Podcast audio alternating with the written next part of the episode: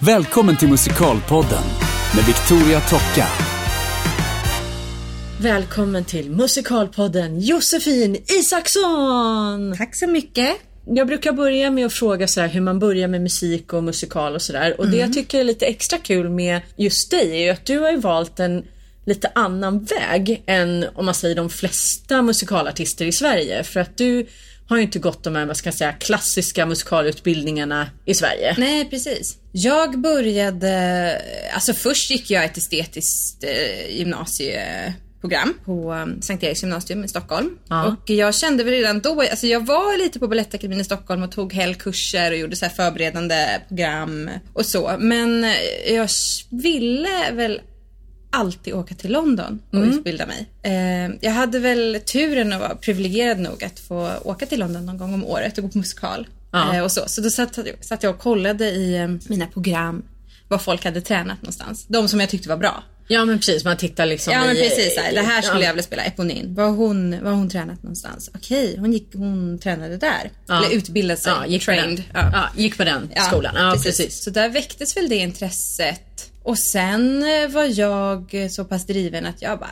äh, men vi kör. Ja. Så då åkte jag dit och gjorde audition. Jag gick på sommarskola där först. Och eh, sen åkte jag dit och gick på audition och eh, jo men det gick bra. Det var en hel dag. Liksom. De är ju så effektiva. Ja. det är liksom. eh, så man var där en hel dag och så. Och sen så fick jag prata med rektorn på skolan. Ja, och sa, vad var det för skola? Ja, det har jag inte ens sagt. Jag Nej. gick på eh, Mount View Academy of Theatre Arts Som ligger... i norra London Ja okej. jätteframstående inom just musikal. De Ja. har en ren teaterutbildning också. Men Ja. musikal är väl den som de har fått mest framgång med. Så jag gick deras treåriga utbildning och eh, var klar 2006. Så det är ju ett tag sedan nu. Vad kan du säga om skolan? Alltså, nu har ju inte du gått någon i Sverige så det är kanske svårt att jämföra så men hur upplevde du din utbildning? Det finns ju säkert de som sitter och lyssnar på podden som kanske också tänker sig att det vore kul att gå en utbildning i London eller någon annanstans än just Sverige. Ja, precis. Ja, men som sagt, jag har ju inte gått i Sverige, men det som är med Storbritannien är att det är otroligt mycket mer disciplin. Det är verkligen på riktigt. Ja. Det är liksom, det är faktiskt en av de tuffare grejerna jag har gjort Ja. överhuvudtaget. Ja. Eh, man måste vara i tid. Om du inte är i skolan eh, 15 minuter innan första lektionen börjar, Ja, då får du inte gå på hela dagen. nej okej. Du får inte välja vilka lektioner du går på utan missar du någonting då är hela dagen liksom svart. Då bara skickar de hem dig. Och eh, har du mer än två, tre sjukdagar på ett år, då är det liksom allvarligt. Och då är det ju inte så här, det är klart att man kan bli otroligt sjuk och Ja. ligga på sjukhus och då är väl det okej. Men det är inte liksom okej att vara hemma för att man är förkyld eller för att man har lite ont i halsen. Utan Nej. man går och man arbetar väldigt hårt. Från första klass börjar 8.30 med uppvärmning. Ja. Eh, och sen, jag var ju i skolan till liksom nio, åtta, nio. Så det är ju hårt. Ja, det var otroligt verkligen. tufft. Det var liksom, jag kommer ihåg en gång eh, andra året, jag har fortfarande den minnesbilden att jag låg i sängen i det huset som jag delar med fem andra tjejer. Ja. Och tänkte så här att eh, skulle ju vara väldigt skönt att bara bli så här lite påkörd av en buss. bara så att nej! jag kunde liksom jag var så himla trött. Jag kände Ja. jag orkar inte. Nej. Om jag blir lite påkörd av en buss så måste jag ju faktiskt vara ledig kanske två veckor Ja. och bara hämta lite så energi. Eh, det är så sjuk tanke liksom. Ja. Men, jag brukar Men tänka då är man ju verkligen trött. Ja. Eh, jag brukar tänka tillbaka på det nu. Men fantastisk tid. Vad är det liksom viktigaste du känner att du tar med dig från den skolan då? Förutom disciplinen. Ehm, på Mount View går man och blir otro- en otroligt stark sångare. Ja. Framför allt. Inte så bra på att dansa. Nej. Eh, men de har en otroligt bra sätt att lära ut sångteknik. Ja. Och lära ut en sångteknik som håller. Som du orkar. Hela målet är att du ska orka spela åtta föreställningar i veckan. Ja. Som en huvudroll. Ja, Det för gör- det gör de ju i London. Ja, de precis. spelar ju åtta gånger i veckan. Ja. Och det är fruktansvärt mycket. Ja, men Jag tror att precis. de flesta som har jobbat eh, mest i Sverige har ju inte den rutinen. Nej. Om man säger, eller liksom, rutin. Det finns ju naturligtvis sjukt mycket bra folk här men jag menar bara på att eh, jag menar, även i Tyskland där spelade jag också åtta Mm. föreställningar i veckan. Och det är någonting helt annat än att spela fem eller kanske sex. Ja, det är ju att vara lite fearless också. Men du måste ha ett sångsätt. Jag tror att det är därför kanske folk i Skandinavien också har mycket råare bält. För att mixen är ju din liksom life savior när du är Ja. trött. Att du Ja. liksom inte ligger på hela tiden. För det sliter på ett helt annat sätt. Ja. Sen, ty- sen är det ju liksom, jag tycker det är jättesnyggt att ha en stor cool, häftig bält. Men man orkar kanske inte. Nej men sen tror jag att just när det gäller bält till exempel, jag pratade lite med Linda Holmgren om det där. Att vissa människor har ju en sån röst mer naturligt. Och då blir det ju inte lika slitsamt. Alltså jag skulle ju aldrig klara det. Jag kan ju ta till en bält någon gång ibland som en effekt liksom. Men jag orkar ju inte det överhuvudtaget utan jag får ju verkligen jobba med eh, dels min klassiska röst men också en stark mix. Ja, Annars men går precis. det ju inte. Och sen blir man väl väldigt duktig också om man håller på väldigt mycket med sång, vilket man gör om Ja. man jobbar inom Ja. musikalbranschen. Så blir man väl duktig på att täcka upp eh, Ja. och få det, man kan ju få en mix att låta jättestark. Man måste göra vad man kan och sen tror jag också att det är så jätteviktigt att du ligger i ett röstläge som är naturligt för dig. Annars, det är så svårt i alla fall. Och vad hände efter Mountview? Efter Mountview så, jag turnerade lite i Storbritannien, med, Ja. lite kabaréföreställningar. Ja. Eh, sen var jag bland annat med med dig, med Western Ja, det var ju där vi träffade varandra första gången. Det Du- var, jag vet inte vilket år det var. Jag kan inte komma ihåg. 2007 Ja. tror jag det var. Så, Så att det var var ju året efter du hade gått ut då Ja. måste det vara.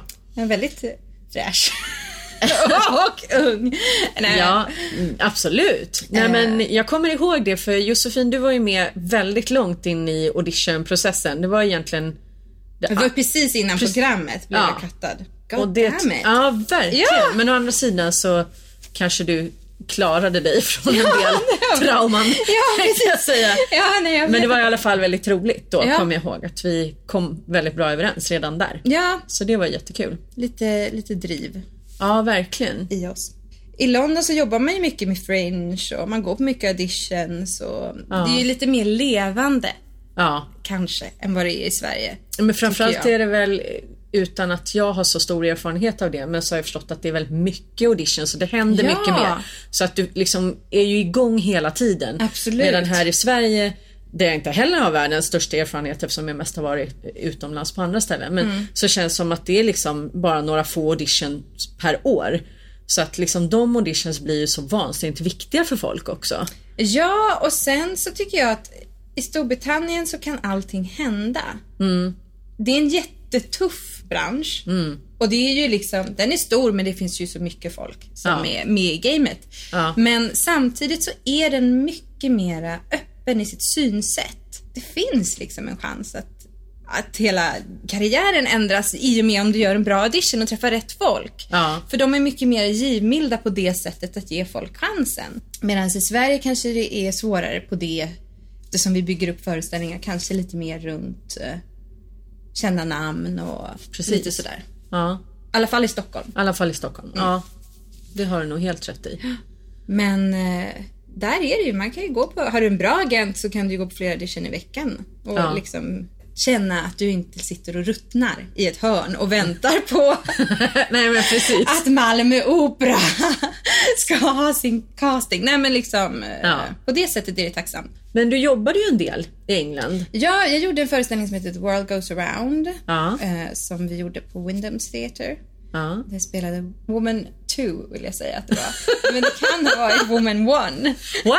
Ja, jag vet! De har ju inga namn. Det är världens roligaste föreställningen. Alla borde göra den. Den är jätterolig. Jag har ingen aning om vad det är. Ja, men alltså det är en eh, review show med Bob Fosse. Okej. Låt, eller Cameron Ebbe-låtar. Ja. Bob Fosse.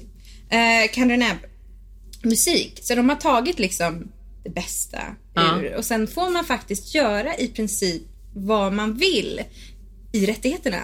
Så att alla låtar måste ligga i ordningen de ligger. Ja. Men du behöver inte, kanske lite som här, du behöver inte framföra all musik. Nej, okej. Och kanske eh, på samma sätt som här, man kan placera den lite var som. För Ja. att få liksom Ja, jag fattar. eh, storyn att gå. Så vi, vår utspelades i en tunnelbana. Var väldigt roligt och det var Pip Minithorpe som eh, var regissör som nu är resident director på Harry Potter. Wow! I know! Oh my god! Oh my god! Eh, då var han resident på Mamma Mia. Eh, jätte up and coming. Ja. Han var väl typ hetast av oss alla. Liksom, i. Han var en Ja. jättefin människa och jättebra regissör och hade Ja. jättebra koncept. Och Lee Proud var koreograf som var resident på Billy Elliot. Också väldigt, väldigt duktig. Gjorde jättebra koreografi. Alltså Ja. gud vad vi slet med det där. Men det var ju fantastiskt roligt. Och sen Ja. tog vi det till Macintosh som ett koncept. Ja. Ursäkta mig. Och eh, fick använda deras scen. Wow. Framföra den på. Så det var ju liksom... Vilken- Hade det hänt i Sverige? Jag vet inte. Nej. Alltså de är så givmilda om de ser att det finns en vilja och ett koncept Ja. liksom, som de Men det tror där på. pratade vi faktiskt också om i en podd eh, för någon vecka sedan. Eh, just det här att man skulle önska att det fanns en större vilja även i Sverige Mm. för den typen av samarbeten. Att eh, om du kommer med ett bra koncept att kanske de dagar i alla fall då teatrarna står tomma, att Ja, man upplåter precis. den till nya eh, up and coming projekt och sådär. Som sagt, man kanske inte behöver göra det gratis men till en kraftigt rabatterad hyra då, Ja. eller sådär. Bara liksom att kanske inte hålla så fruktansvärt hårt på sitt eget hela tiden utan att liksom luckra upp det här lite för att jag tror precis som vi har pratat om många gånger att ju mer vi samarbetar och lyfter varandra desto bättre blir det för alla. Ja, och sen blir det ju... Alltså kanske speciellt i Sverige skulle det kanske bli ett, en mer levande bransch. Mm. Samtidigt som jag... Så, alltså, ja, nu har jag i och för sig aldrig gått, men jag ska gå på, alltså, på öppen scen på eh, i Klara. Gud. Corner of the Sky. Ja. Ja! Bra koncept! Jättebra. Roligt! Alltså jag är så på att gå och sen miss, eller så blir det alltid någon jävla skit som man inte kan. Men eh, Ja, nej men Johan Mörk som kör det där, han ska också komma och prata här i podden och jag har också tänkt ja, men på- klappa på honom för det där tycker Ja, jag är Det jätteroligt. är en super, super bra grej. Ja. För att just det här att också hitta ett forum där alla vi musikalartister kan mötas Ja. och träffas. Alltså både yngre generationen, äldre generationen, de som har gjort mycket, de som har gjort lite. Alltså vi börjar blanda så runt att det inte lite. blir så isolerat för att vi jobbar ju väldigt mycket själva liksom. Mm. Och jag tror inte det är så bra för folk. I mig, inklusive mig själv. Speciellt om du inte är i en produktion för tillfället. Då kan det bli jäkligt ensamt. Mm. Och då tror jag att det är så himla bra att hitta ett sätt som känns bra och Ja. roligt och givande. Och, Jag tror också det, för att då hittar man folk som man kanske vill samarbeta med, folk Mm. man inte kände sedan innan eller att man kan bjuda in folk till liksom, ja men man kan få idéer Ja. av varandra och Gud, ja. Starta projekt och, och hitta på saker. Men det är precis som du säger att det är så himla lätt att man sitter där ensam på sin kammare och tror att man är helt ensam och så försöker man lägga ut lite grejer kanske på Facebook eller skicka mail och liksom, Ja. alltså så här, och så händer ingenting och så tror man att allting är kört för alla alltid och hatar evigt. en. Ja, alla tycker att jag är skitdålig och jag bör så, Ja, precis. Så att just därför tror jag att eh, just det här till exempel Corner of the Sky eh, på Stadsteatern är det väl, eh, är ju ett otroligt fint initiativ. Ja, absolut. Och, och bara komma ut och träffa lite folk och, och sjunga lite låter ju jättebra. Ja, Jag ska absolut, det får Ja. bli min nyårs... ja men det ska vi göra. Det kan Grej. vi göra tillsammans Ja, också. men eller hur? Det, Det låter superkul. Men då var du i alla fall i London, under, eller England, under sex, sju år. Ja. För du gjorde Godspell Ja, också. Godspell gjorde och jag. så gjorde du Little Night Little Music. Night Music. Alla de här är ju fringe. Ja. Ehm, så du var Ska vi förklara konceptet Fringe också? Ja. Alltså en fringe-teater, det är ju lite som off-Broadway. Men eh, alltså, eftersom West End är, ett, är ju ett distrikt. Ja, precis. Eh, liksom, så är det ju te- mindre teatrar som ligger utanför det, Ja, det området, området. eller man ska säga. Så de här var ju, ena var på Battersea Arts Center, vilket är en jättefin, nu har det för brunnit där, men en jättefin eh, teater. Ja. Den var på Chelsea Theatre som var jätteliten, men också jättefin. Bra venues som ändå är centrala. Eh, Little Night Music, det var ett fantastiskt projekt, men eftersom det var Sondheim Ja. och jag vet inte riktigt hur jag fick det jobbet säga. Nej men jag är Vad inte så jättemusikalisk. Jag spelade Fredrika. Ja. Det var ju mitt, ett av mina första liksom, jobb. Ja. Och eh, jag var 22 Ja. och skulle spela 12. Så det var väl kanske, det fanns ändå, jag tror att jag hade en motsättning i mig. Att jag inte ville gå tillbaka, eller jag ville nog Ja. vara vuxen. Men du ser ju väldigt liten och Ja, söt ut. precis. Och så det är inte speciellt så konstigt. då Ja. så var det ju liksom, gud, jag ser ju på de bilderna, man fattar ju, man bara, ah, ja, yes, I understand now. Men det var ett projekt som var otroligt roligt men otroligt smärtsamt på många sätt. Det var ju Sondheim, det är svårt musikaliskt, Ja. en tuff liksom cast. Jag hade inte jättemycket att göra. Eh, även fast det är ju en jättefin roll. Men jag ville ju liksom bälta och liksom köra så här mastodontmusikal. Men det kanske är ett sånt projekt där man känner sig, vad ska jag säga, mer tacksam och glad nu, alltså Ja, några år efteråt. För precis. ibland kan det ju vara så att just där och då så känner man ett motstånd och bara, eh, alltså så här. Men sen när det har fått landa lite så känner man, men gud vad bra det var ändå att jag fick göra de här Jo, grejerna. men eller hur? Och så är det med allt. Och man, allt får man ju tillbaka. Allt är ju erfarenheter som lagras Ja. i din kropp och själ Ja. för att användas vid senare tillfälle. Så bara precis. du kommer igenom en spelperiod eh, eh, så, eh, alltså, Nej men jag har ju också varit med om projekt där jag har känt ett enormt motstånd och egentligen tyckt att uh, var, liksom. Men sen när man liksom ser tillbaks nu så bara, ja fast det var nog väldigt bra. Jo, liksom självklart. av ena eller andra anledningen. Ja. Men hur kommer det sig att du hamnade tillbaks i Sverige sen då?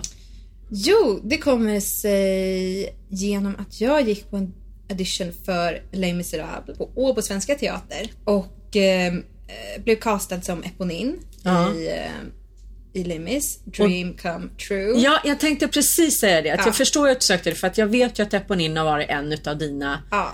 sådär Alltså, drömroller. ja, det var, ju liksom, det var ju en av de första musikalerna jag såg på West End när jag bara var så här. Alltså jag tror inte ens att jag kunde förstå engelska. Nej. Jag vet inte. Jag måste varit liksom 9-10 år, så lite grann. Men jag, inte så Ja. att jag kunde följa en genomkombinerad musikal. Liksom. Nej. Jag kommer ihåg att jag var helt liksom mållös Ja, över den här kvinnorollen. ja. Som jag liksom inte, jag tror inte att jag förstod. Men jag var liksom så fascinerad av det så, Ja. sättet att sjunga och uttrycka sig. Så det var väl alltid min mål, en av mina målbilder när man står och sliter och Ja. harvar. Liksom. Ja. Och så att- sjukt kul då att få det jobbet. Ja! Alltså hur helt- kändes det när du Nej, fick men det, det var ju samtalet? helt sjukt. Men det var ju också, det som var roligt var ju att det castades jättetidigt. Ja. Så det castades typ ett år innan repstart.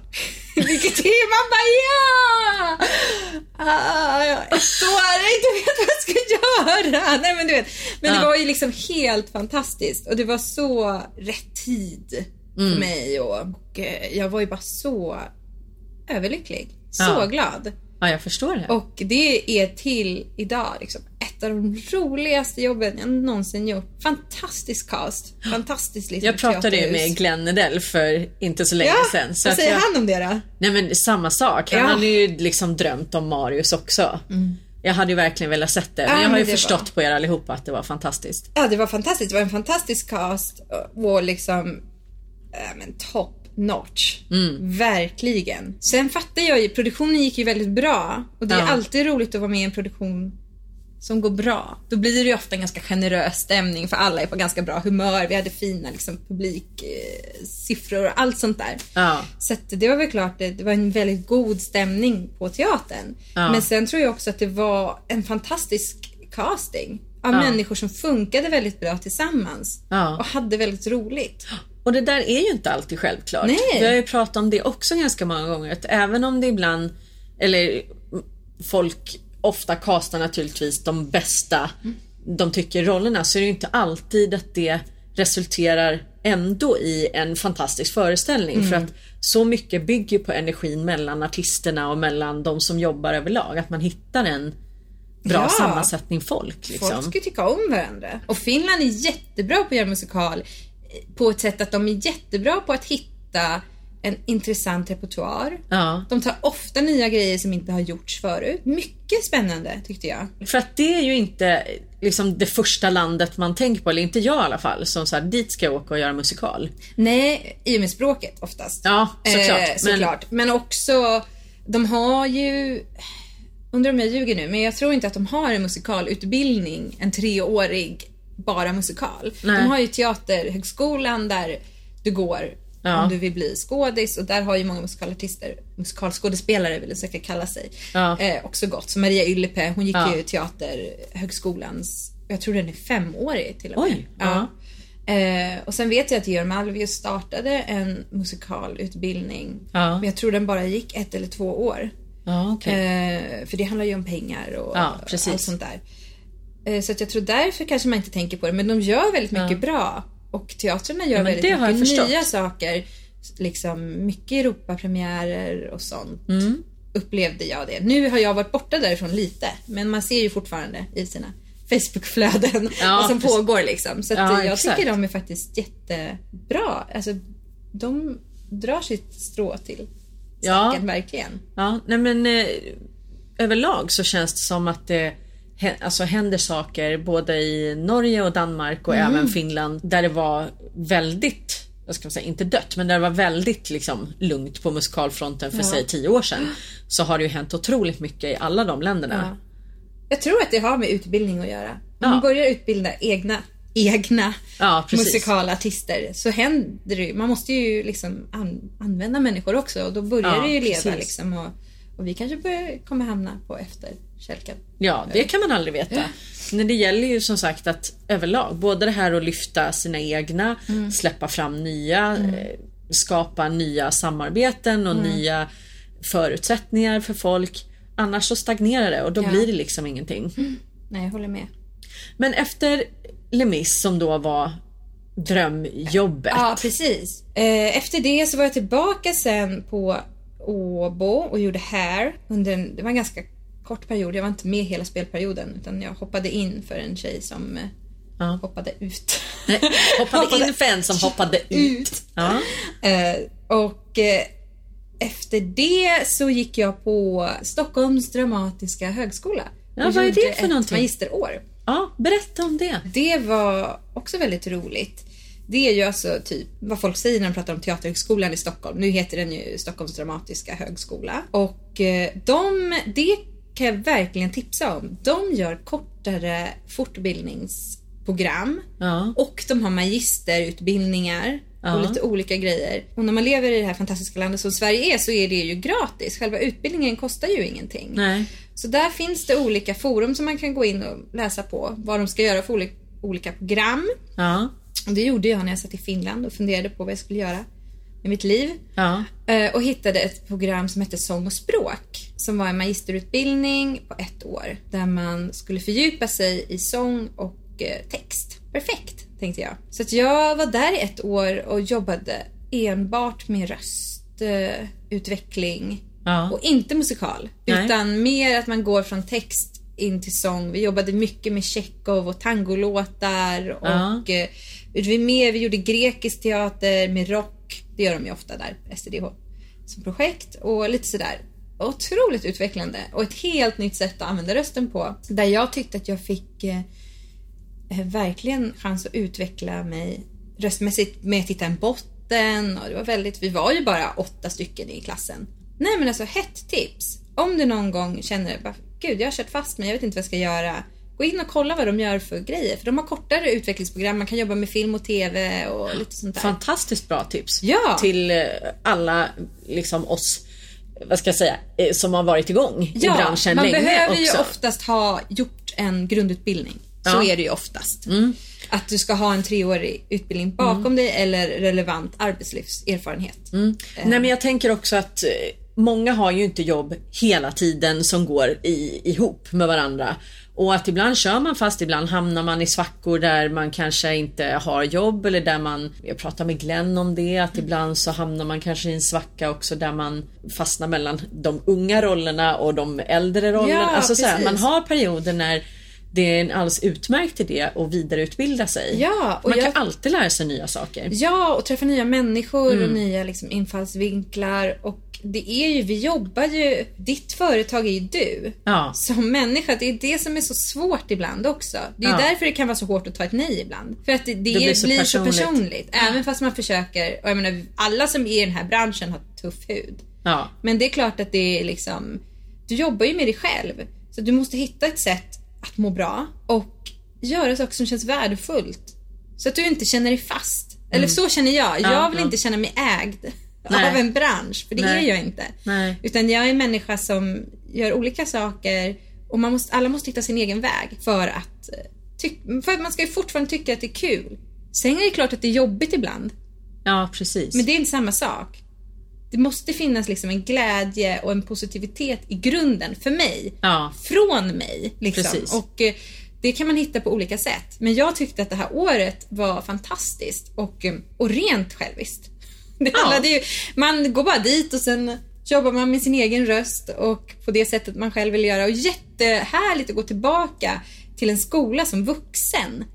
Inte vara tonåring. Och liksom kanske kunna ta kritik med en nypa, eller kritik, eh, Nej men konstruktiv, konstruktiv kritik. kritik, på ett- på ett bra sätt. Ja. Och fortfarande kunna säga okej, fast min erfarenhet säger Ja. att så här måste jag arbeta Ja. för att klara av det. Så det var ett fantastiskt år. ja, det låter superkul tycker jag. Ja. får vi kolla in. Ja, det, var, det är ett hett tips. Men sen så blev det ju något som jag är otroligt avundsjuk över att du har fått göra. För du, Ja! ja!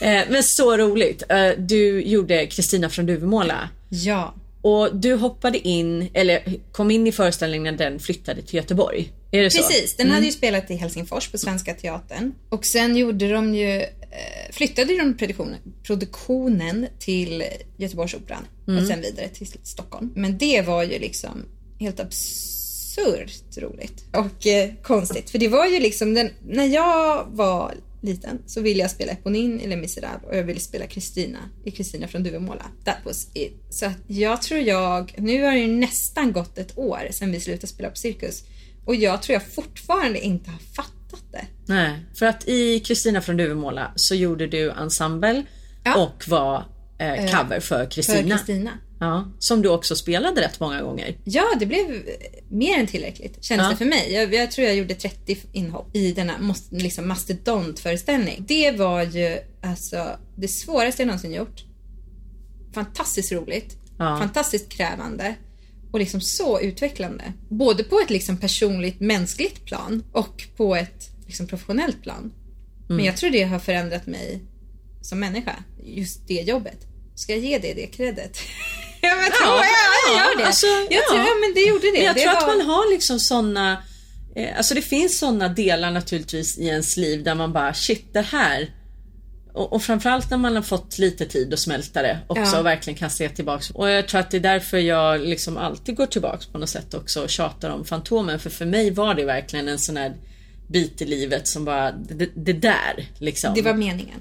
Ja, och Mm. det, ja men utvecklingen av mig själv, precis som du säger, både som artist, som människa Mm. och så. Och sen finns det andra saker längre fram, men jag tror att man kan inte, oavsett hur framgångsrik man är eller hur mycket man än gör och jobbar, så finns det ändå liksom några olika saker under livet som när du sitter och är 80 år som du kommer se tillbaks på och kunna plocka ut att det här och det här och det här var liksom det som formade mig mest. Och det är väl jättekul att kunna ge en produktion eller så, alltså den Ja, credden då. Alltså att det där absolut. var verkligen en, Det var jätte... en sån sak. Också liksom ett sånt stort sammanhang. Det var ju jättekonstigt. Det är sällan man får den chansen. Vi gör inte så stora musikaler i Sverige med stor orkester, stor ensemble. Björn och Benny. Nej men det är liksom, Mm. Ja. det är ju stort på alla sätt och vis. Lars Rudolfsson. Men hur kändes det då, första gången du gick på som Kristina? Det var ju väldigt speciellt. Jag var så otroligt nervös innan, även fast det, alltså precis innan. Alltså när ouvertyren spelade.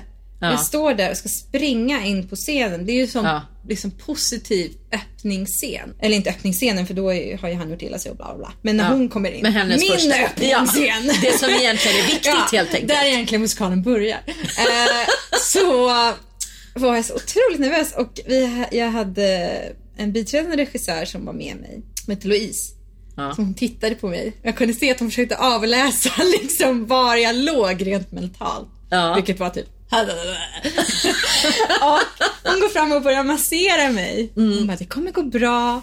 Allt kommer gå bra. Ja. Och jag tittar på henne och bara, okej. Och sen börjar man ju. Och när föreställningen väl är igång. När tåget går, då, Då går är det bara att gå. Då bara gör, gör, gör. Och liksom man får inte tänka. Det får inte bli för stort i huvudet. Du får inte stå och tänka så här. Och det är jättesvårt. Ja. Att inte vara så här: okej, gud shit, nu kommer den här och det kommer vara svårt. Får absolut inte stå och tänka på att du måste finnas liksom, i första akten av ångest. Nej. Liksom, av att säga, gud jag vet, jag vet inte hur det ska gå, jag vet inte, alla kommer sitta och vänta på den här låten. Ja. Ehm, Och så kände jag väl kanske aldrig riktigt. Men det är jävligt viktigt att komma ihåg för sig själv också. Ja. Att bara checka av så här, okej, men då gör vi så här. Det första vi kommer göra är att vi kommer springa på. Ja. Så kommer vi hoppa upp på gungan. Så kommer vi gunga. Och sen börjar vi sjunga Du vill måla hag. Du vill måla hagen. Och sen kommer Robert komma in. Ja. Robert som i Karl-Oskar. Robert Noack. Ja. Och då kommer, men du vet, så att man inte börjar springa iväg med sina Nej. egna tankar. En sak i taget. Precis. Ett steg i taget. För att annars Och det är man... ju en sån fruktansvärt lång föreställning också. Så att jag tror att, precis som du säger där, utan att ha gjort det själv, att man måste ta det ett steg i taget för annars blir du ju tokig. Ja, nej men det finns så mycket att tänka Mm. på. Att det är liksom, men sen hade man ju, alltså det var ju, jag hade så mycket fina människor runt omkring som Mm. var liksom fantastiska. Och liksom, jag menar Robert och Oscar och Birte, de hade ju spelat de här karaktärerna i typ säkert två år. Jag vet Ja. inte hur många föreställningar de gjorde i Finland med innan. Så de är ju så inkörda. Så det är ju tacksamt. Det är ju Ja. inte en helt ny cast som står och alla ska försöka hitta sina ben liksom, om man hoppar in andra föreställningen. Nej. Då är det ju lite annat. Man kunde ju verkligen Man har folk att luta sig på Ja, helt enkelt. precis. också. Och liksom trevliga, goda människor. Maria gjorde ju illa sig på vår premiär. Så då var hon sen sjukskriven tisdag, onsdag, torsdag. Något typ sånt där. Så jag, min första grej var liksom att köra tre föreställningar på rad. Från av att liksom, jag hade bara gjort ett genomdrag som inte ens var sammanhängande. Alltså vi hade liksom paus för lunch och paus för orkestern och sånt där. Och sen köra tre föreställningar på rad. Alltså då var man inte kaxig. Men samtidigt så, alltså då är det ju liksom, alltså det är lite så här chocktreatment. Ja, verkligen. Alltså man är ju, alltså efter första gången man har gått på så känner man ju som att man har blivit överkörd av ett tåg. Ja, jag förstår Så det. jag tror alla känner så. Det är liksom, man är helt söndermanglad. Ja. Ehm. Gick du också in i logen och grät efteråt? Ehm, nej men jag grät ju på scenen, så det var ju så många tillfällen. Man bara jag tycker så synd om Nu körde den här tredje föreställningen och jag var så trött och jag var så slut. Och jag kände så här, herregud, man har ont överallt för man får ju som träningsvärk för man spänner ju sig så, så Ja. mycket i Ja. början liksom. Oh, jag tyck, det är liksom Ja. känslomässigt väldigt tufft. Men det gick ju. Nej men då för att koppla tillbaks tänker jag lite till Glenn Edell för ni har ju jobbat väldigt mycket ihop. Alltså ni har ju verkligen blivit lite så här musikalpar här. Ja, Eh, speciellt, ja, eh, nej, för men- oss själva. Ja. Oj oj. Ja, nej, men har ju jag tänker för ni mycket. gjorde ju eh, Marius Marius och Eponin. Eponin och sen Karl-Oskar och Kristina Ja. mycket ihop också. Ja, jättekonstigt. Eh, men jätteroligt och så skönt att ha en sån fantastisk man bredvid sig. Nej men han är, det, vi går, funkar väldigt bra tillsammans, vi känner varandra väldigt väl. Ja. Och eh, eh, all respekt för honom. Jag tycker han är ja. Topp. Men sen är ni jättefina ihop på scen också. Tycker Ja, jag. för vi Jag- känner ju varandra så pass väl också. Ja. Vi tycker ju om varandra. Ehm, Ja men och det hjälper ju alltid Mm. när man ska spela framförallt känsliga saker och sådär. ja. Att det finns en, en bra kemi mellan folk. precis. I, jag gifte mig i somras. Ja! Och Glenn sjöng på mitt bröllop under Ja. ceremonin. Tror jag kunde titta på honom en enda gång och han kunde inte titta på mig heller. För det var liksom, jag tänkte, han är ju min stage husband. Ja. liksom. Ja. Och i, på ett rent platoniskt plan, det är ju absolut ingenting annat. Men det blir det var Det är starkt så ändå. fint. Vi har Ja. delat så otroligt många Ja, men grejer på scenen. Ja, jag tänker också att, och det är inte bara att dela vad som helst, Mm. utan jag tänker liksom både eh, Eponin och Marius som var drömroller för er båda.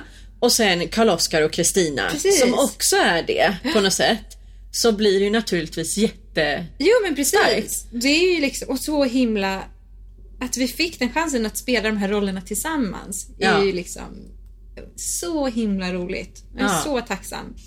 Men som sagt, du gifte dig i somras. Ja. Ja, och hur, hur ser du på framtiden nu då?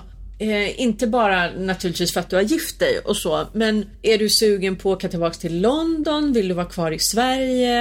Eh, hur tänker du Alltså framöver? det är ju en så himla svår tid på ett sätt, rent på ett privat plan. Att liksom, det är jättebra att vara i Sverige för att vi har mycket bättre avtal. Ja. Man spelar mindre när du spelar. Ja. Man... Eh, allt är lite mer, vad säger man, regulated. Så att allt Ja. liksom, på det sättet är det ju väldigt tacksamt att vara i Sverige. Och liksom, För vi kanske också får- ska säga att din eh, nyblivne make är ju britt. Precis, Mm. så att eh, jag kan jobba där även efter Brexit. Ja, det är superbra. Ja, High five precis. på den. Mamma, inga problem. Nej men eh, det är tacksamt liksom. Och man kan till och med få liksom, gå och hämta sina barn på dagis om man har barn liksom, tidigare från repetition. Ja. Det, det finns ju inte på kartan i Storbritannien att du skulle bara, nej men jag vabbar idag. Nej. Då skulle ju bara, eh, I don't think so. nej men, Nej men liksom, där har man väl knappt ordentlig föräldraledighet. Nej, du har inte det. Och herregud, alla mina fina kompisar som jobbar och sliter. Jag menar när det är liksom värsta ramaskrin i Sverige att folk lämnar sina barn på dagis när de är ett år. Liksom. I Storbritannien kan du lämna dina barn på dagis när de är liksom tre månader. För att, För att det, du måste. Ja, precis. För Ja. att det finns inte i samhället eh, en uppbyggnad runt det. Så på så sätt är det jättetacksamt att vara i Sverige. Ja. Eh, och vi trivs väldigt bra här. Eh, men alltså, Lond- det drar ju alltid i en att åka till London. Alltså det gör alltid det. Ja. Och jag får alltid säga, men fasiken ska jag inte bara liksom köra ett race till och bara liksom, för att det vore så himla roligt. Samtidigt som jag vet hur slitigt det är. Och Ja. jag vet hur liksom, Men samtidigt så kanske det är nu det ska hända innan du startar familj. ja tänker jag. Och jag är ändå liksom, För att när du ja. väl kommer dit då blir ju allting svårare. Så enkelt är det. Ja. Hur mycket man än älskar sina barn och hur roligt och mysigt det än må vara. Så blir det ju någonting till att ta hänsyn till. Ja, så gud, enkelt är det. Ja, gud ja, absolut. Jag har ju svårt att lämna min hund. liksom. Så jag tror att det kommer vara kört för mig. Alice. Det som är kul när man jobbar för sig själv är att allt kan ju hända och det är bara du som bestämmer vad du vill göra. Ja. Samtidigt som att ju äldre man blir inser man också så att ska du satsa måste du satsa hå- hårt. Liksom. Det går inte in och mjäk köra liksom om du ska vara i London och, och om du ska satsa på, på western. Utan du måste gå in, du måste vara i form Ja. och du måste liksom, du måste, Ja, du måste gå all mycket in. Mm. Och du måste, ja men all in, precis. Och då måste man alltid tänka sig hur är det värt det? Och, det? och det är viktigt att man faktiskt frågar sig själv den frågan. För ibland så Ja, men- kör man på bara så här vana. Och både frågar, ställer sig frågan men också svarar sig själv ärligt. Ja. Och vågar vara ärlig mot sig själv. Eller hur? För att jag tror Så svårt. det kan vara supersvårt. Ja, Och där måste man ibland liksom sätta sig ner tror jag. Och verkligen ställa sig den ärliga frågan och framförallt då våga svara sig själv Ja. ärligt. Men jag kan ju vara väldigt duktig på att liksom prata mig in i saker. Alltså du vet så här, att man liksom ger det en massa bra anledningar. Att jo men det vore bra för det och det och det och det. Fast det ändå inte känns bra i magen. Och det har man ju lärt sig någonstans längs vägen att ja men känns det inte bra där inne då kan du liksom hitta på hur många intellektuella Ja. eh, liksom, saker som helst men det kommer inte ändra magkänslan eller vad jag ska Nej, säga. precis. Och det är ju liksom... Vet inte. Man måste vara snäll mot sig själv, men man måste vara ärlig. Och det är okej att inte vilja göra allt heller. Mm. Och det är okej att... eh, Alltså jag har varit så himla driven Ja. för så himla länge. Och det är väl okej att tappa lite driv lite då och då. Ja. Och liksom eh, refuel och... Eh, Jo, men det är jätteviktigt så att kolla om man har det privilegiet att kunna åka och titta på saker och bli Ja. inspirerad. För så funkar jag. Jag har alltid funkat så. Ja. Och det kan många tycka är liksom ytligt. Men jag kan gå och se på en produktion och bara, ah, gud det där verkar ju skitroligt. Det här vill jag göra. Så Ja. bokar jag in alla mina sånglektioner och så sjunger jag bara det. Och så Ja. liksom, det blir Men min varför skulle det drivkraft vara ytligt? Jo, för att ibland ska man vilja skapa för skapandets skull. Att vara en skapande människa. Alla är inte det. Nej, men, och så kan det väl vara periodvis men jag är nog med dig där. Mm. Jag har nog känt att jag har tapp, eller tappade ett tag intresset för musikal därför att jag kände att musikalbranschen gick åt ett håll som inte intresserade mig Mm. med mycket av de här jukebox-musikalerna. Det var mycket liksom poprocklåtar och liksom inte så djupa historier. Mm. Och, så här, och för mig så blev det lite så här, eh, Ja. Alltså jag tyckte inte att det var så kul. Och sen så har jag börjat se saker nu senaste åren egentligen som verkligen har väckt den här lusten i mig igen. Att göra musikal och så kan det väl få vara. Ja, det tror jag är jättebra. Jag tror att det är liksom, gå där lusten finns också. Jo men en annan sak som jag tänkte på. Nu när du har fått göra då de två rollerna som du sa till mig var liksom på din bucket list eller vad man ska säga, som du verkligen, verkligen ville göra.